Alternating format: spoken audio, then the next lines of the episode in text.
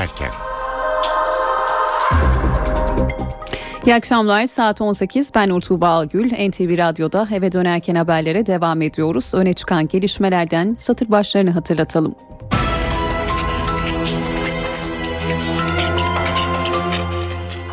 Ukrayna karıştı. Yönetim karşı gösterilerde bugün 21 kişi daha hayatını kaybetti. Kiev yönetimi ise eylemlerde 67 emniyet görevlisinin rehin alındığını açıkladı.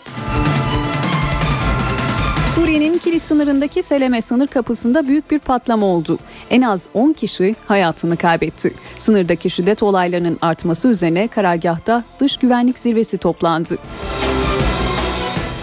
Anayasa Mahkemesi Ergenekon davasında 23 yıl hapis cezasına çarptırılan eski İnönü Üniversitesi Rektörü Fatih Hilmioğlu'nun tedbiren tahliyesine karar verdi.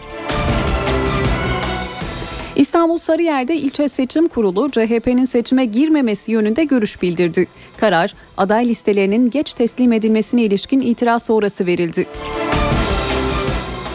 UEFA Avrupa Ligi'ndeki temsilcimiz Trabzonspor bu akşam İtalyan ve Juventus'la karşılaşacak. Saat 20'de başlayacak mücadele NTV Radyo ve Star TV'den naklen yayınlanacak. Özetleri aktardık. Şimdi detaylar.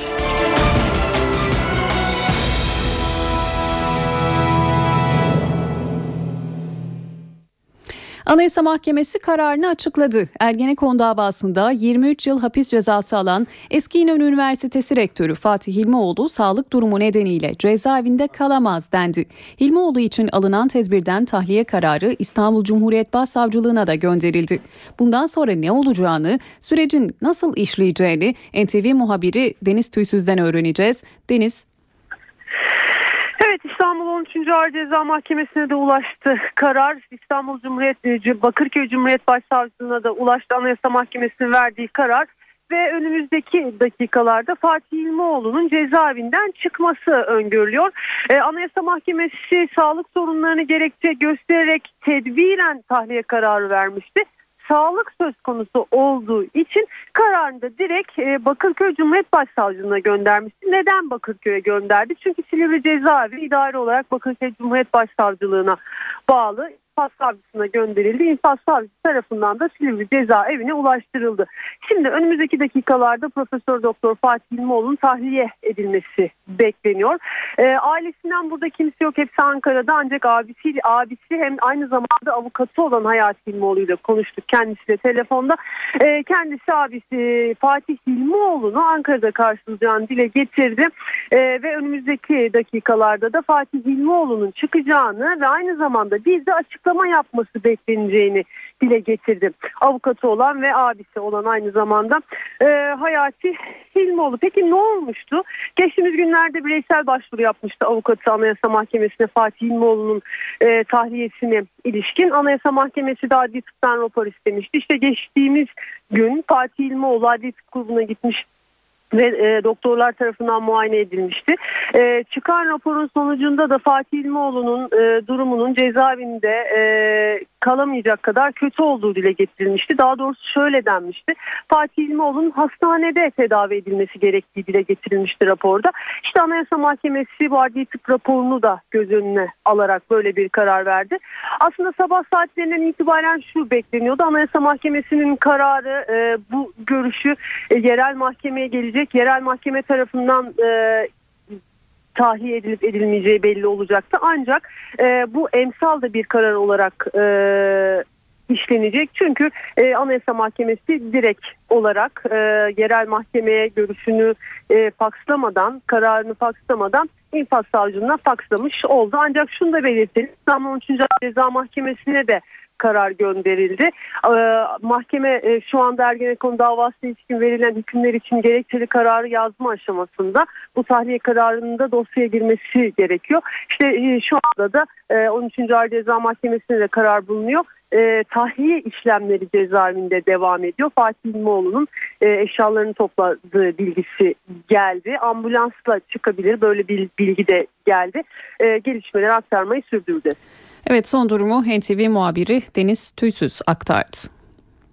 Anayasa Mahkemesi Ergenekon davası sanıklarından Fatih Hilmioğlu'nun tedbiren tahliyesine karar verdi. Az önce detayları aktardık. Karar siyaset dünyasında da yankı buldu. Hükümet adına iki başbakan yardımcısı Bülent Arınç ve Beşir Atalay'dan memnuniyet ifade eden açıklamalar geldi. Arınç, Anayasa Mahkemesi'nin kararının isabetli olduğunu belirtirken geç oldu ama başkaları için de örnek olan bir karar verildi. Biz hiç kimsenin hapiste çürümesini arzu etmeyiz dedi. Beşir Atalay'dan da benzer bir açıklama geldi. Atalay bu insani bir durumdu. Çok memnunuz dedi. Karar CHP'de de memnuniyet yarattı. Parti Grup Başkan Vekili Engin Altay umarım Hilmioğlu en kısa zamanda sağlığına kavuşur diye konuştu.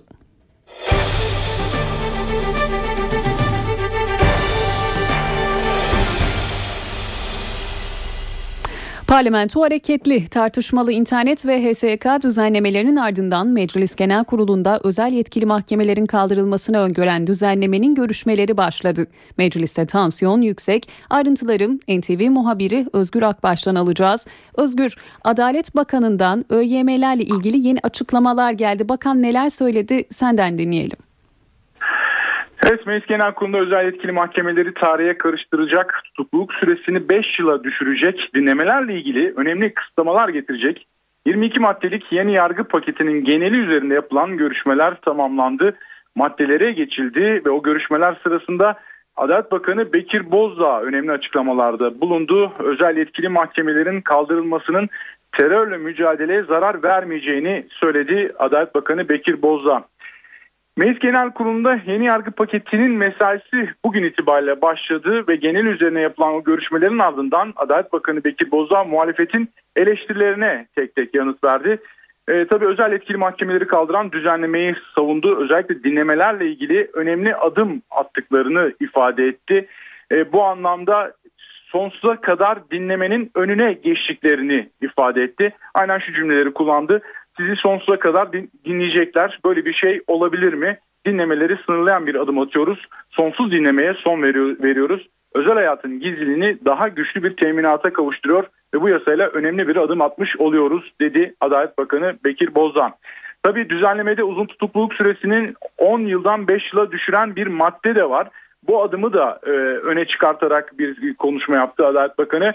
Tutukluluk süresinin e, Avrupa İnsan Hakları Mahkemesi'nin kabul ettiği çerçeveye e, çektiklerini ifade etti. Bizim en fazla tutukluluk süremiz bundan sonra 5 yıl olacaktır dedi ve yasa yürürlüğe girdiği zaman bazı tutukların tahliye edileceğine de vurgu yaptı ve bu anlamda sayı da verdi. 149 civarında vatandaşımız bundan yararlanması söz konusu olacaktır dedi. Evet e, yeni yargı paketiyle ilgili görüşmeler devam ediyor ama meclisin tatile girmesine artık çok az bir zaman kaldı. Hükümet kanadından tasarı ve teklifler meclise yağmur gibi yağmaya devam ediyor. Dün akşam saatlerinde Meclis Başkanlığı Milli İstihbarat Teşkilatı ile ilgili teklif geldi. Bu teklif cumartesi günü saat 11'de İçişleri Komisyonu'nda ele alınacak. Yani meclis hafta sonu da mesaiye devam edecek. Yarınsa hükümetle Gülen cemaatini karşı karşıya getiren dershaneler tasarısı komisyonda, Milli Eğitim Komisyonu'nda ele alınmaya başlanacak. Aslında dershaneler düzenlemesi seçim sonrasına bırakılmıştı ama ani bir kararla tasarı komisyon gündemine alındı. Cumhurbaşkanı Abdullah Gül'ün onayladığı internet yasasında değişiklik içeren bir anlamda revizyon içeren teklif dün Plan Bütçe Komisyonu'ndan geçti. Yarın genel kurul gündemine alınması bekleniyor. Evet meclisteki gündem böyleydi. Evet internet ve SK düzenlemelerinin ardından Meclis Genel Kurulu'nda özel yetkili mahkemelerin kaldırılmasını öngören düzenlemenin görüşmeleri başladı. Son durumu NTV muhabiri Özgür Akbaş aktardı. Siyasetin gündeminde dün akşam meclise sunulan MIT yasası var. Teklife göre MIT, terör örgütleri dahil olmak üzere milli güvenliği tehdit eden bütün yapılarla irtibat kurabilecek. Yurt dışında operasyon yapabilecek. MIT ile ilgili ihbarlar halinde savcı önce MIT'e danışacak. Konu MIT'in göreviyle ilgili ise hiçbir işlem yapılamayacak. MIT'in yetkilerini artıran bu teklife muhalefet tepkili. CHP Grup Başkan Vekili Engin Altay düzenlemeyle polis devletinden istihbarat devletine geçiş yapıldığını iddia etti. Esad'a Esed demeye başladıktan sonra el muhaberat devleti diyen, istihbarat devleti diyen başbakan Esad'ın getirdiğinin daha ağırını şimdi Türkiye'de uygulamaya başlıyor. Başbakan Türkiye'deki herkesi ya TİB'e ya MIT'e zimmetleyecek. MIT Başbakanın özel örgütü konumuna getiriliyor. MHP Grup Başkan Vekili Oktay Vural, Türkiye'nin bir muhaberat devleti haline geleceğini öne sürdü. Recep Tayyip Erdoğan hükümeti MIT'in hazırladığı bir teklifi Türkiye Büyük Millet Meclisi'nde iki milletvekiline imzalatmak suretiyle dayatmıştır. Burayı MIT'in iradesi mi yönetecek? Böyle yasama çalışması olmaz. Böyle devlet yönetimi de olmaz. Ve bu kanun teklifi şunu ortaya koymaktadır ki Türkiye bir muhaberat devleti, bir istihbarat devleti haline gelmektedir. HDP eş başkanı Ertuğrul Kürkçü de başbakana yüklendi. Piramidin başına Tayyip Erdoğan ve e, so, işte e, devamında da onun e, sadece ona hesap verecek ve başka hiç kimseye hesap vermeyecek bir e, hiyerarşinin e, oluşturulacağını öngörebiliriz. Muhalefetin bu eleştirilerine Başbakan Yardımcısı Beşir Atalay yanıt verdi. Atalay teklifi savundu, diğer ülkelerdekine benzer bir düzenleme hazırlanacak dedi. Bir teklifleri herkes bir incelesin. Muhtevasına bakmak lazım. Diğer ülkelerle mukayese edilsin. Ee, yani bu, bunları e, ben doğrusu e, olağanüstü şeyler olarak görmüyorum. Yani e, tedbirler olarak. Diğer ülkelerle de mukayese edildiğinde çok benzer şeylerdir. Yani ülkenin istihbarat teşkilatının kendiyle ilgili bazı düzenleme ihtiyaçlar olduğu e, belli. Onlarla ilgili ama yani biraz daha bu konunun e, herhalde e, içeriğini incelemek lazım. Eve dönenken haberlere devam ediyoruz. İstanbul Sarıyer'de yönetimi elinde bulunduran CHP 30 Mart'ta bu ilçede seçime giremeyecek. İlçe Seçim Kurulu CHP'nin seçime girmemesi yönünde görüş bildirdi. Karar aday listelerinin geç teslim edilmesine ilişkin itiraz sonrası verildi. CHP karara itiraz için İl Seçim Kurulu'na gidecek. Partinin Yüksek Seçim Kurulu'na da itiraz hakkı var. CHP'den yapılan yazılı açıklamada bu listeler partinin Merkez Yürütme Kurulu tarafından hazırlandı. Belirtilen gün ve saatten önce genel merkez tarafından Yüksek Seçim Kurulu'na verilmiştir denildi.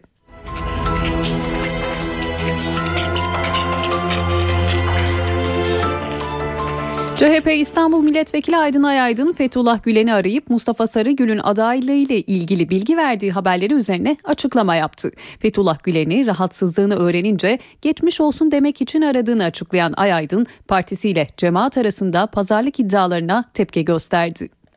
Benim de ismimin yer aldığı sözde bir kasetten söz ediliyor. Sayın Fethullah Gülen'in rahatsızlığını öğrendiğim için orada o yayın grubun temsilcisine ben de geçmiş olsun dileklerimi ilettim. Dini cemaatler onlar da birer sivil toplum örgütleridir. Bu sivil toplum örgütleri de her zaman siyasilerin odak noktalarında olurlar. Siyasiler bunları ziyaret ederler. Kaldı ki benim böyle bir ziyaretim de söz konusu değildir. Mustafa Sarıgül'ün İstanbul Belediye Başkanlığına adaylığı, adaylığıyla ilgili sanki ben Gülen cemaatine önceden bilgi veriyorum. Onlarla bu konuda alışveriş, görüş alışverişi yapıyorum. İzlemini veren bu haberin bu şekilde değerlendirmesine son derece rahatsızım.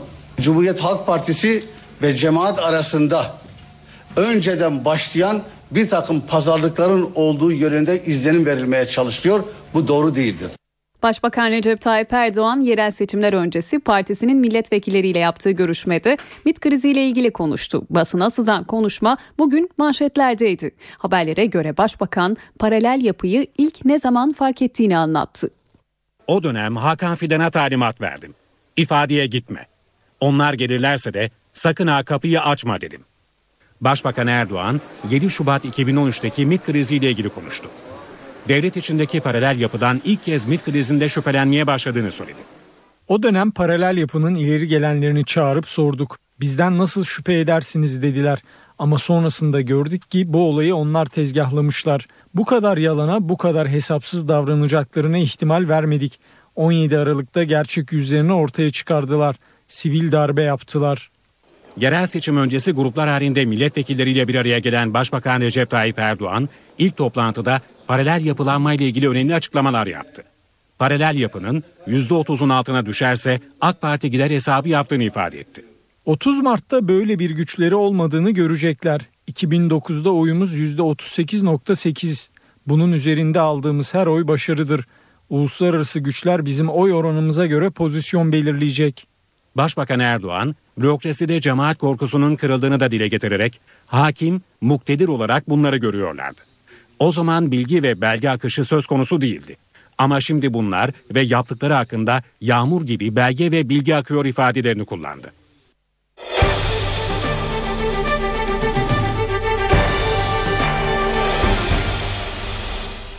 Mevsimi şaştı. Kış mevsiminde bahar havası yaşıyoruz. 60 şehirde sıcaklık bugün 18 derecenin üzerine çıktı. Oysa bu mevsimde kar yağmalıydı. Zira bir yandan dolması gereken barajlar ve yaz mevsiminde muhtemel susuzluk tehlikesi, diğer yandan da çiçek açan, meyve veren ağaçların ürünlerin donması tehlikesi kapıda. Şubat ayında bahar havasının nedenini ve sonuçlarını konuşacağız. Profesör Doktor Miktat Kadıoğlu yayınımıza katılıyor. İyi akşamlar Sayın Kadıoğlu, hoş geldiniz yayınımıza. İyi akşamlar, hoş bulduk. Önce hemen soralım kimimizi mutlu eden, kimimizi de tedirgin eden erken baharın nedeni ne efendim? Erken baharın nedeni bu sene kuzeydeki soğuk hava e, Türkiye üzerine pek gelemedi. Kuzeydeki soğuk hava genellikle oluklar şeklinde güneye iner. E, güneydeki sıcak havada sırtlar şeklinde kuzeye doğru sokulurlar. Bu oluklar genellikle Türkiye'nin batısında, Orta Avrupa'da etkili oldu. Bizde ise Afrika'dan gelen sıcak yüksek basınç merkezinden bağlı sıcak hava dili, e, sırtı içinde kaldık biz sürekli. Bu sıcak hava tabii hava açık oldu. Gündüzleri işte güneş sabah bazen sisli oldu, puslu oldu. Ve bu tabii kurak bir hava. E, güneş dolmasıyla beraber bu bitkilerde ekolojik olaraktan da bitkilerin saatini de şaşırttı. Hı hı. Bir yandan kurak bir yandan da ekolojik olarak bitkilerin canlanması yanlış bir zamanda gibi bir sürü sıkıntıya neden oldu. Efendim yaklaşık iki hafta önce siz de hatırlayacaksınız kar yağışının olmaması ve kuraklık tehlikesiyle ilgili yine sizinle konuşmuştuk. Bugünkü tabloya göre tekrar soralım. Şairin dediği gibi bizi bu havalar mahveder mi? Belki de en önemli soru bu havanın sonucu evet. ne olur? Neler bekliyor bizler? Şimdi bu hava şimdi bizim için önemli olan yağışların almadı, almamamıza neden oluyor. Çünkü Marmara bölgesi özellikle Akdeniz ve Güneydoğu bölgeleri Akdeniz ikliminde olan bölgeler. Akdeniz iklimi de yazları sıcak ve kurak, kışları ılık ve yağışlı olan bölgeler bunlar. Yani bu bölgelerde yağış kışın olur. Şimdi kışın bu bölge yağış almadığı zaman önümüzdeki aylardaki yağışın çok fazla bir önemi olmayacak. E, barajlardaki su seviyesi %30'larda kalmış olması bizim için bir sıkıntı olarak karşımıza çıkacak. Bu sıkıntı sadece barajdaki su seviyesi değil, toprağın çok kuru olması, ağaçtan çiçek açması gibi birçok şeyde e, karşımıza çıkacak.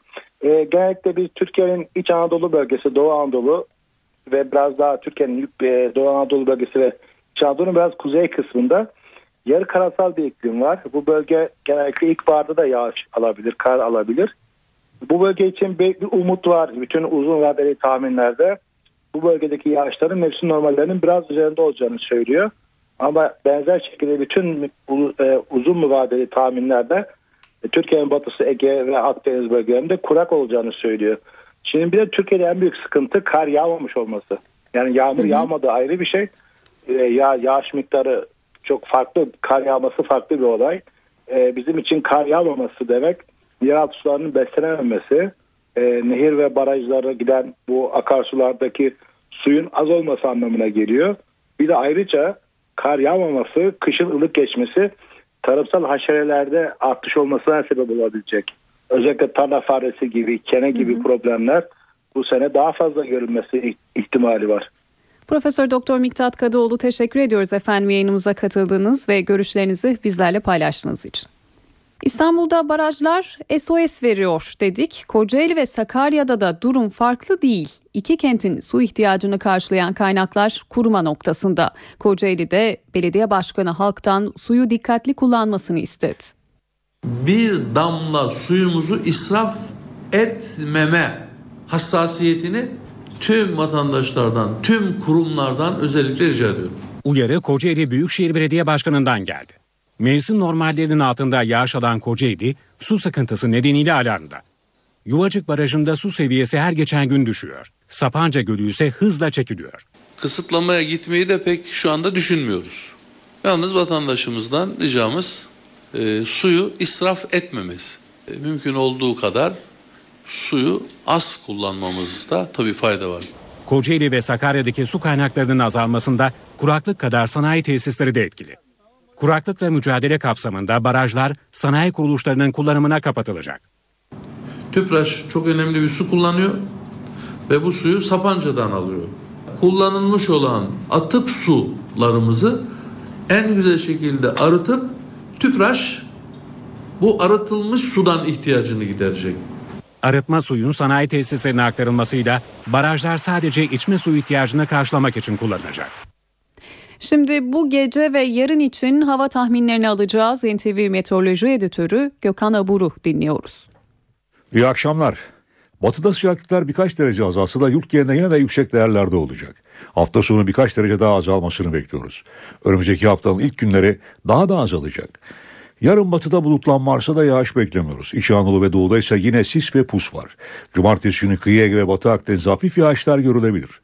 Pazar günü Ege ve Marmara'da hafif yerel yağışlar görülürken pazartesi günü Güney Ege ve Batı Akdeniz'de daha kuvvetli olmak üzere Ege, Marmara, Akdeniz, Batı Karadeniz ve İç Anadolu'nun batısı yeniden yağışlı havanın etkisi altına girecek. İstanbul yarın biraz bulutlu. Sıcaklık ise 17 derece olacak. Hafta sonu hava soğuyor. Ankara'da yarın hava güneşli ve çok sıcak. Sıcaklık yine 20 derecenin üzerine çıkacak. İzmir'de ise bahar havası etkisini sürdürmeye devam ediyor ve sıcaklık 20 derece olacak. Hava biraz kapalı. Hepinize iyi akşamlar diliyorum. Hoşçakalın.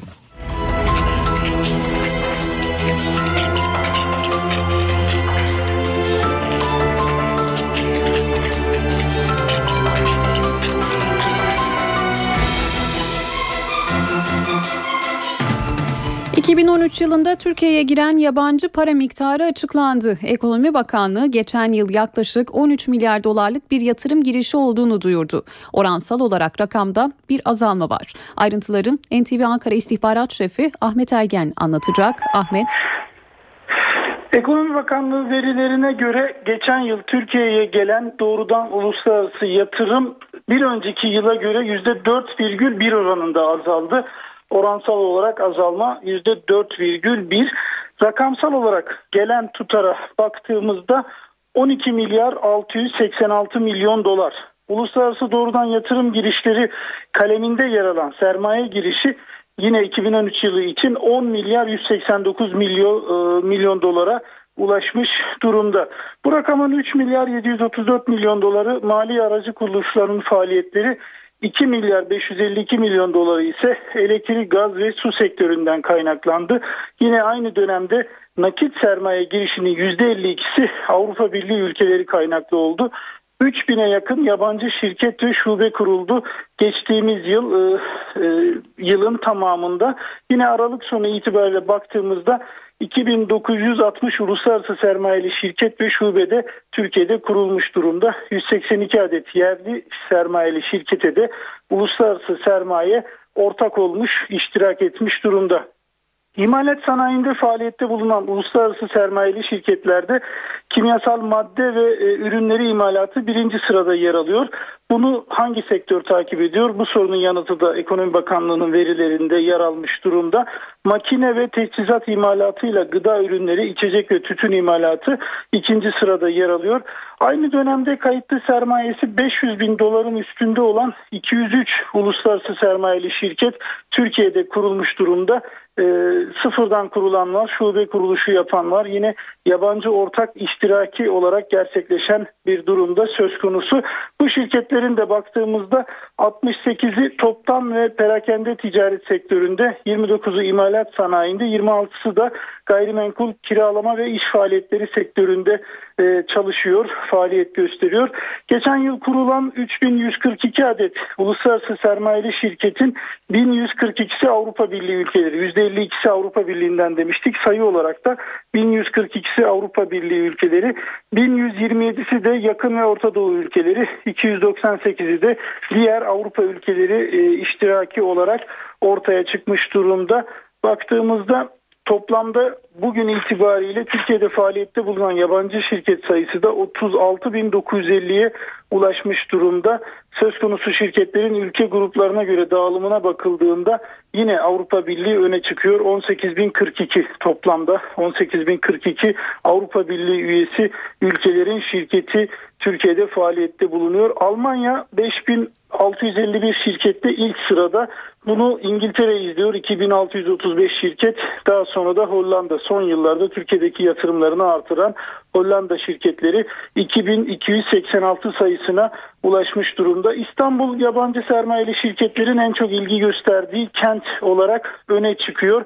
İstanbul'u 4000'den fazla şirketle Antalya, yine 2300'e yakın şirketle Ankara ve 2000'e yakın şirketle de İzmir takip ediyor Ekonomi Bakanlığı verilerine göre.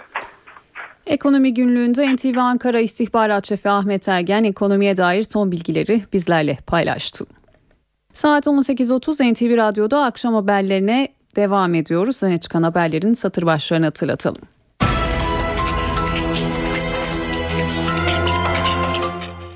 Suriye'nin Kilis sınırındaki Seleme sınır kapısında büyük bir patlama oldu. En az 10 kişi hayatını kaybetti. Son günlerde Suriye sınırında artan olaylar Ankara'da Genelkurmay Karargahı'nda masaya yatırılıyor. Anayasa Mahkemesi Ergenekon davasında 23 yıl hapis cezasına çarptırılan eski İnönü Üniversitesi Rektörü Fatih Hilmioğlu'nun tedbiren tahliyesine karar verdi.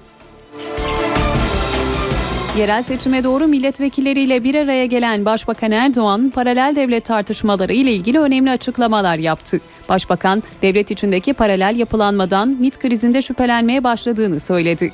Başbakan 7 Şubat sürecinde MIT Müsteşarı Hakan Fidan'a ifade için gelirlerse kapıyı açma dediğini aktardı.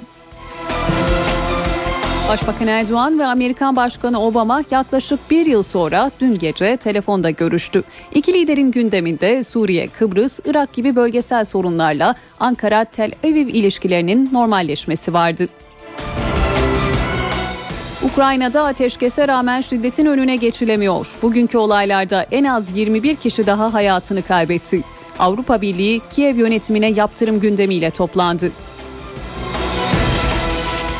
UEFA Avrupa Ligi'ndeki temsilcimiz Trabzonspor bu akşam İtalyan devi Juventus'la karşılaşacak. Saat 20'de başlayacak mücadele NTV Radyo ve Star TV'den naklen yayınlanacak.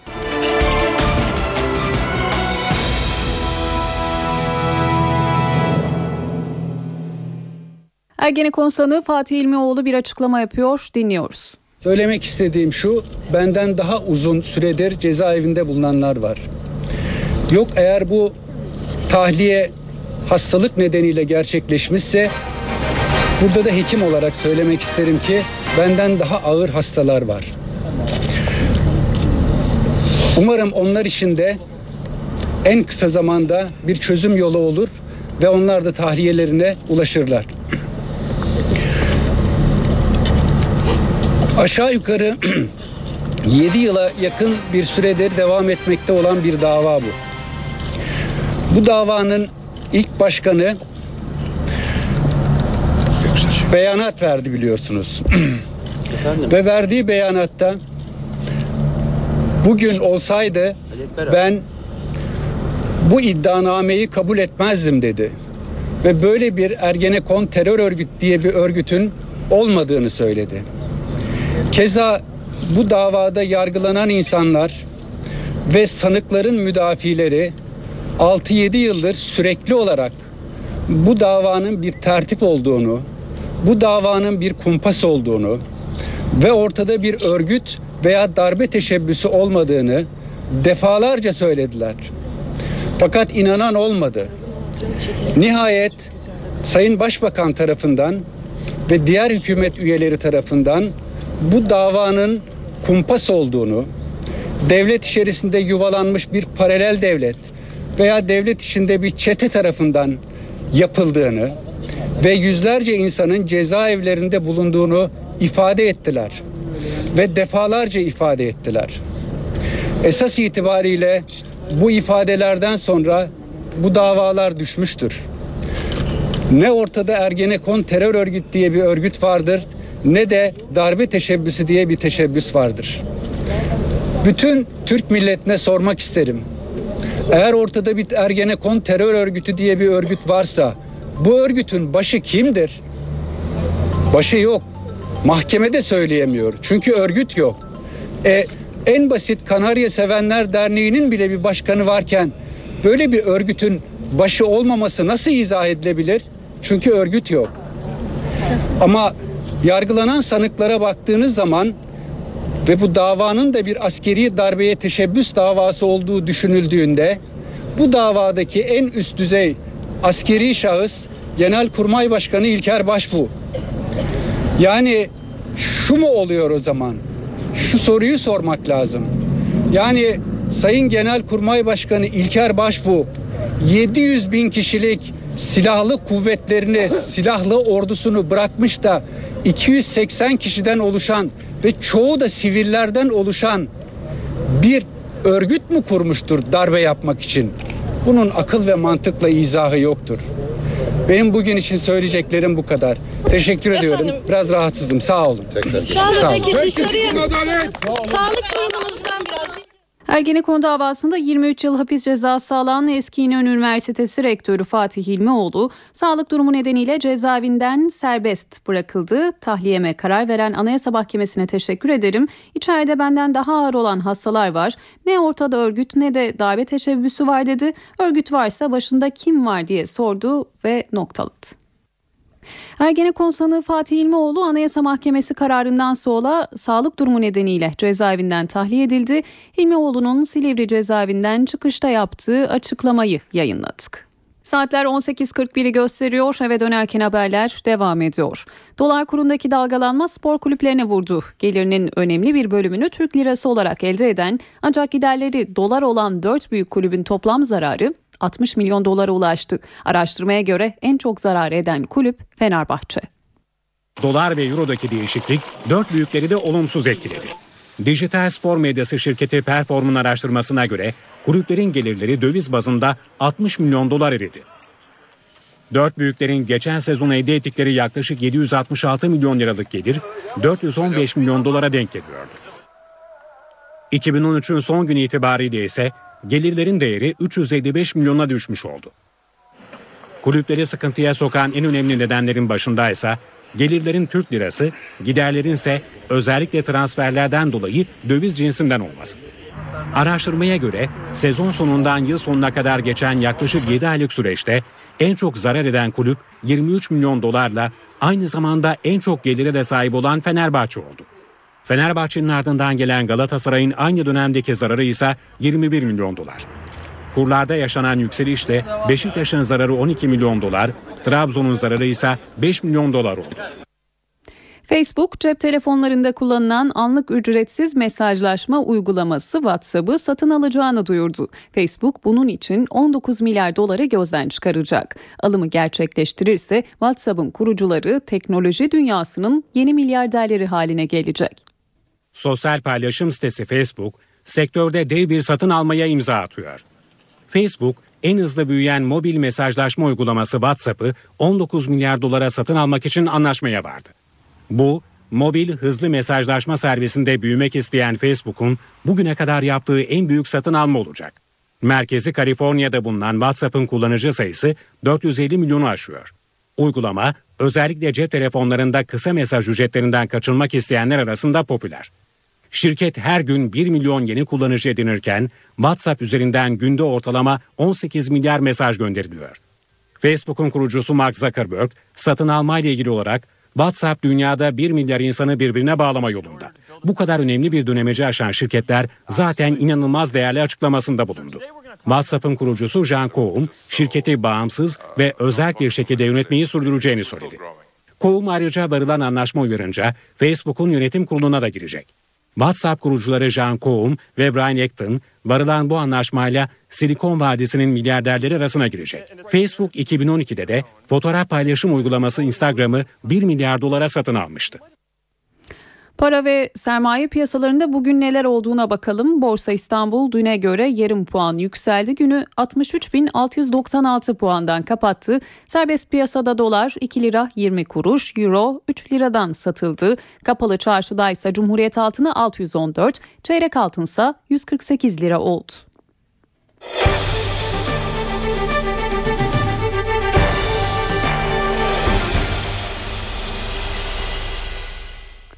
Trabzonspor UEFA Avrupa Ligi ikinci tur maçında bu akşam zorlu bir mücadeleye çıkacak. Bordo Mavili takım deplasmanda İtalya temsilcisi Juventus'la karşılaşacak. Sırada günün öne çıkan spor gelişmeleri var.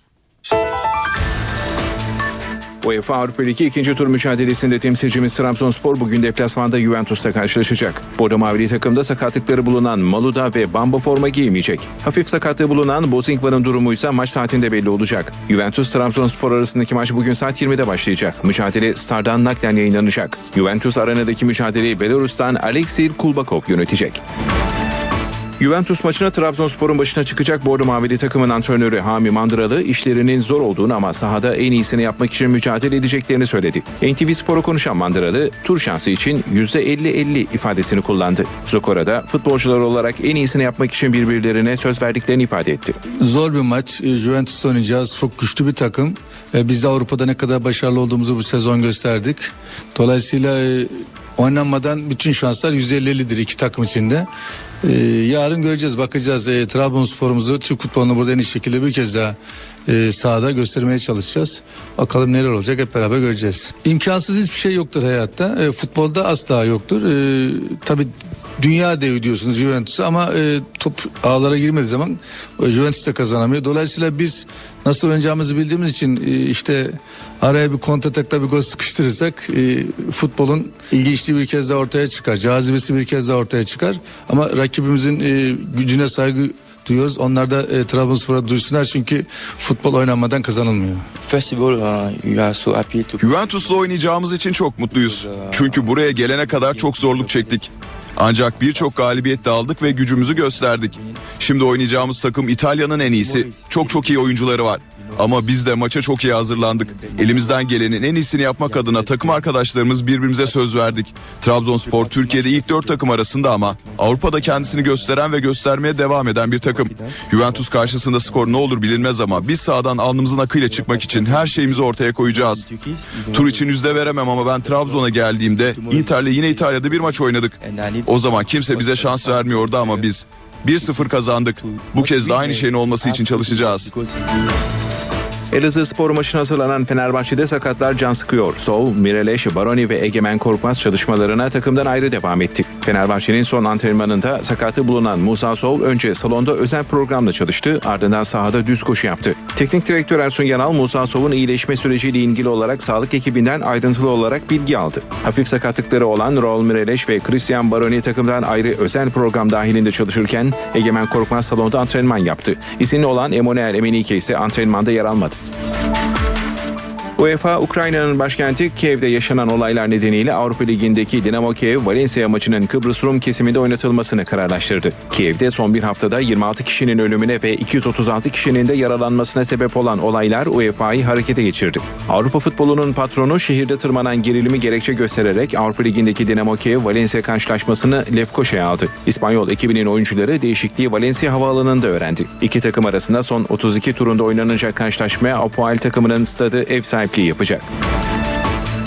Eurolig'in haftanın maçı olarak tanımladığı karşılaşmada Galatasaray Live Hospital deplasmanda Partizan'la mücadele edecek. Saat 21.45'teki karşılaşma NTV Spor Smart'tan canlı yayınlanacak. Turkish Airlines Euroleague'de haftanın maçı Galatasaray Live Hospital'la Partizan arasında Belgrad'da oynanacak. Sarı Kırmızılı takım top 16 turu F grubundaki 7. maçında Kombank Arena'da Sırp ekibinin konu olacak. 6 maçta elde ettiği 2 galibiyetle 5. sırada yer alan temsilcimiz son maçında CSK Moskova'ya 74-71 mağlup oldu. Sarı Kırmızılılar deplasmana tam kadro gitti. İstanbul'daki son antrenmana çıkan Cenk Akyol'la Milan Vaçva'nın da karşılaşmada süre alması bekleniyor. Duško Vujosevic yönetimindeki Partizan bir galibiyetle grubun son sırasında yer alıyor. Avrupa'nın en etkili taraftarına sahip takımlarından biri olan Belgrad temsilcisi Top 16'da potasında gördüğü maç başına 68.4 sayıyla bu alanda liderliği elinde bulunduruyor. Genç bir takıma sahip olan Partizan'ın sayı yükünü iki isim çekiyor. Bogdan Bogdanovic ve Terence Kinsey. Bogdanovic maç başına 20.5, Kinsey ise 20.2 sayı ortalamasıyla oynuyor. Milli atletler Ali Kaya ve İlhami Tani Özbilen cumartesi günü İstanbul'da rekor denemesi yapacak. Türkiye Atletizm Federasyonu'ndan yapılan açıklamaya göre Ali Kaya ve İlham Tani Özbilen Aslı Çakır Aptekin Atletizm Salonu'nda 22 Şubat cumartesi günü Balkan Salon Atletizm Şampiyonası öncesinde rekor denemesi için piste çıkacak. Avrupa Gençler Şampiyonası'nda geçen yıl 5000 metre ve 10.000 metrede şampiyon olan Ali Kaya ile 17. Akdeniz oyunlarında 800 ve 1500 metrede altın madalya kazanan İlham Tani Özbilen'in rekor deneme yarışları saat 17'de başlayacak.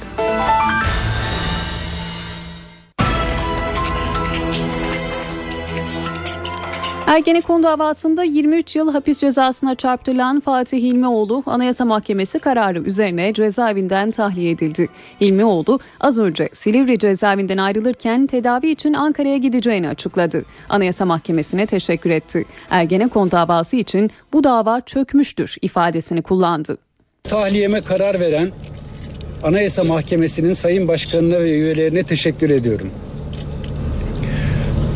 Eğer bu tahliyem uzun tutukluluk nedeniyle gerçekleşmişse ki ben 5 yıla yakındır cezaevindeyim.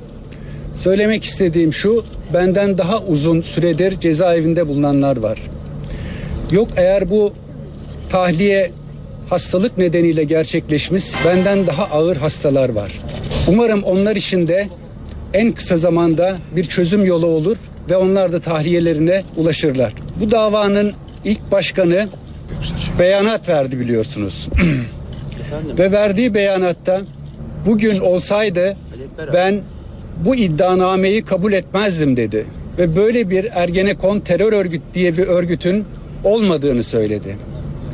Keza bu davada yargılanan insanlar ve sanıkların müdafileri 6-7 yıldır sürekli olarak bu davanın bir tertip olduğunu, bu davanın bir kumpas olduğunu ve ortada bir örgüt veya darbe teşebbüsü olmadığını defalarca söylediler. Fakat inanan olmadı. Nihayet Sayın Başbakan tarafından ve diğer hükümet üyeleri tarafından bu davanın kumpas olduğunu, devlet içerisinde yuvalanmış bir paralel devlet veya devlet içinde bir çete tarafından yapıldığını ve yüzlerce insanın cezaevlerinde bulunduğunu ifade ettiler. Bu ifadelerden sonra bu davalar düşmüştür. Ne ortada Ergenekon terör örgüt diye bir örgüt vardır ne de darbe teşebbüsü diye bir teşebbüs vardır. Bütün Türk milletine sormak isterim. Eğer ortada bir Ergenekon terör örgütü diye bir örgüt varsa bu örgütün başı kimdir? Başı yok. Mahkemede söyleyemiyor. Çünkü örgüt yok. Yerel seçime doğru milletvekilleriyle bir araya gelen Başbakan Erdoğan paralel devlet tartışmaları ile ilgili önemli açıklamalar yaptı. Başbakan devlet içindeki paralel yapılanmadan MIT krizinde şüphelenmeye başladığını söyledi. Başbakan 7 Şubat sürecinde MIT müsteşarı Hakan Fidan'a ifade için gelirlerse kapıyı açma dediğini aktardı. Cumhuriyet Halk Partisi Sarıyer'de seçime giremeyecek. İlçe Seçim Kurulu aday listelerini en geç teslim ettikleri gerekçesiyle CHP'nin seçine girmemesine karar verdi. CHP ikiye karşı 5 oyla alınan karara itiraz edecek. Sarıyer'de son seçimi kazanan CHP'li belediye başkanı yeniden aday gösterilmişti. Ukrayna'da ateşkese rağmen şiddetin önüne geçilemiyor. Bugünkü olaylarda en az 21 kişi daha hayatını kaybetti. Avrupa Birliği Kiev yönetimine yaptırım gündemiyle toplandı. Suriye'nin Kilis sınırındaki Seleme sınır kapısında büyük bir patlama oldu. En az 10 kişi hayatını kaybetti. Son günlerde Suriye sınırında artan olaylar Ankara'da Genelkurmay Karargahı'nda masaya yatırılıyor. Başbakan Erdoğan ve Amerikan Başkanı Obama yaklaşık bir yıl sonra dün gece telefonda görüştü. İki liderin gündeminde Suriye, Kıbrıs, Irak gibi bölgesel sorunlarla Ankara-Tel Aviv ilişkilerinin normalleşmesi vardı. UEFA Avrupa Ligi'ndeki temsilcimiz Trabzonspor bu akşam İtalyan devi Juventus'la karşılaşacak. Saat 20'de başlayacak mücadele NTV Radyo ve Star TV'den naklen yayınlanacak. Başlıkları aktardık. Eve dönerken haberleri burada noktalıyoruz. NTV Radyo'nun yayını Juventus Trabzonspor maçı öncesi programıyla devam edecek.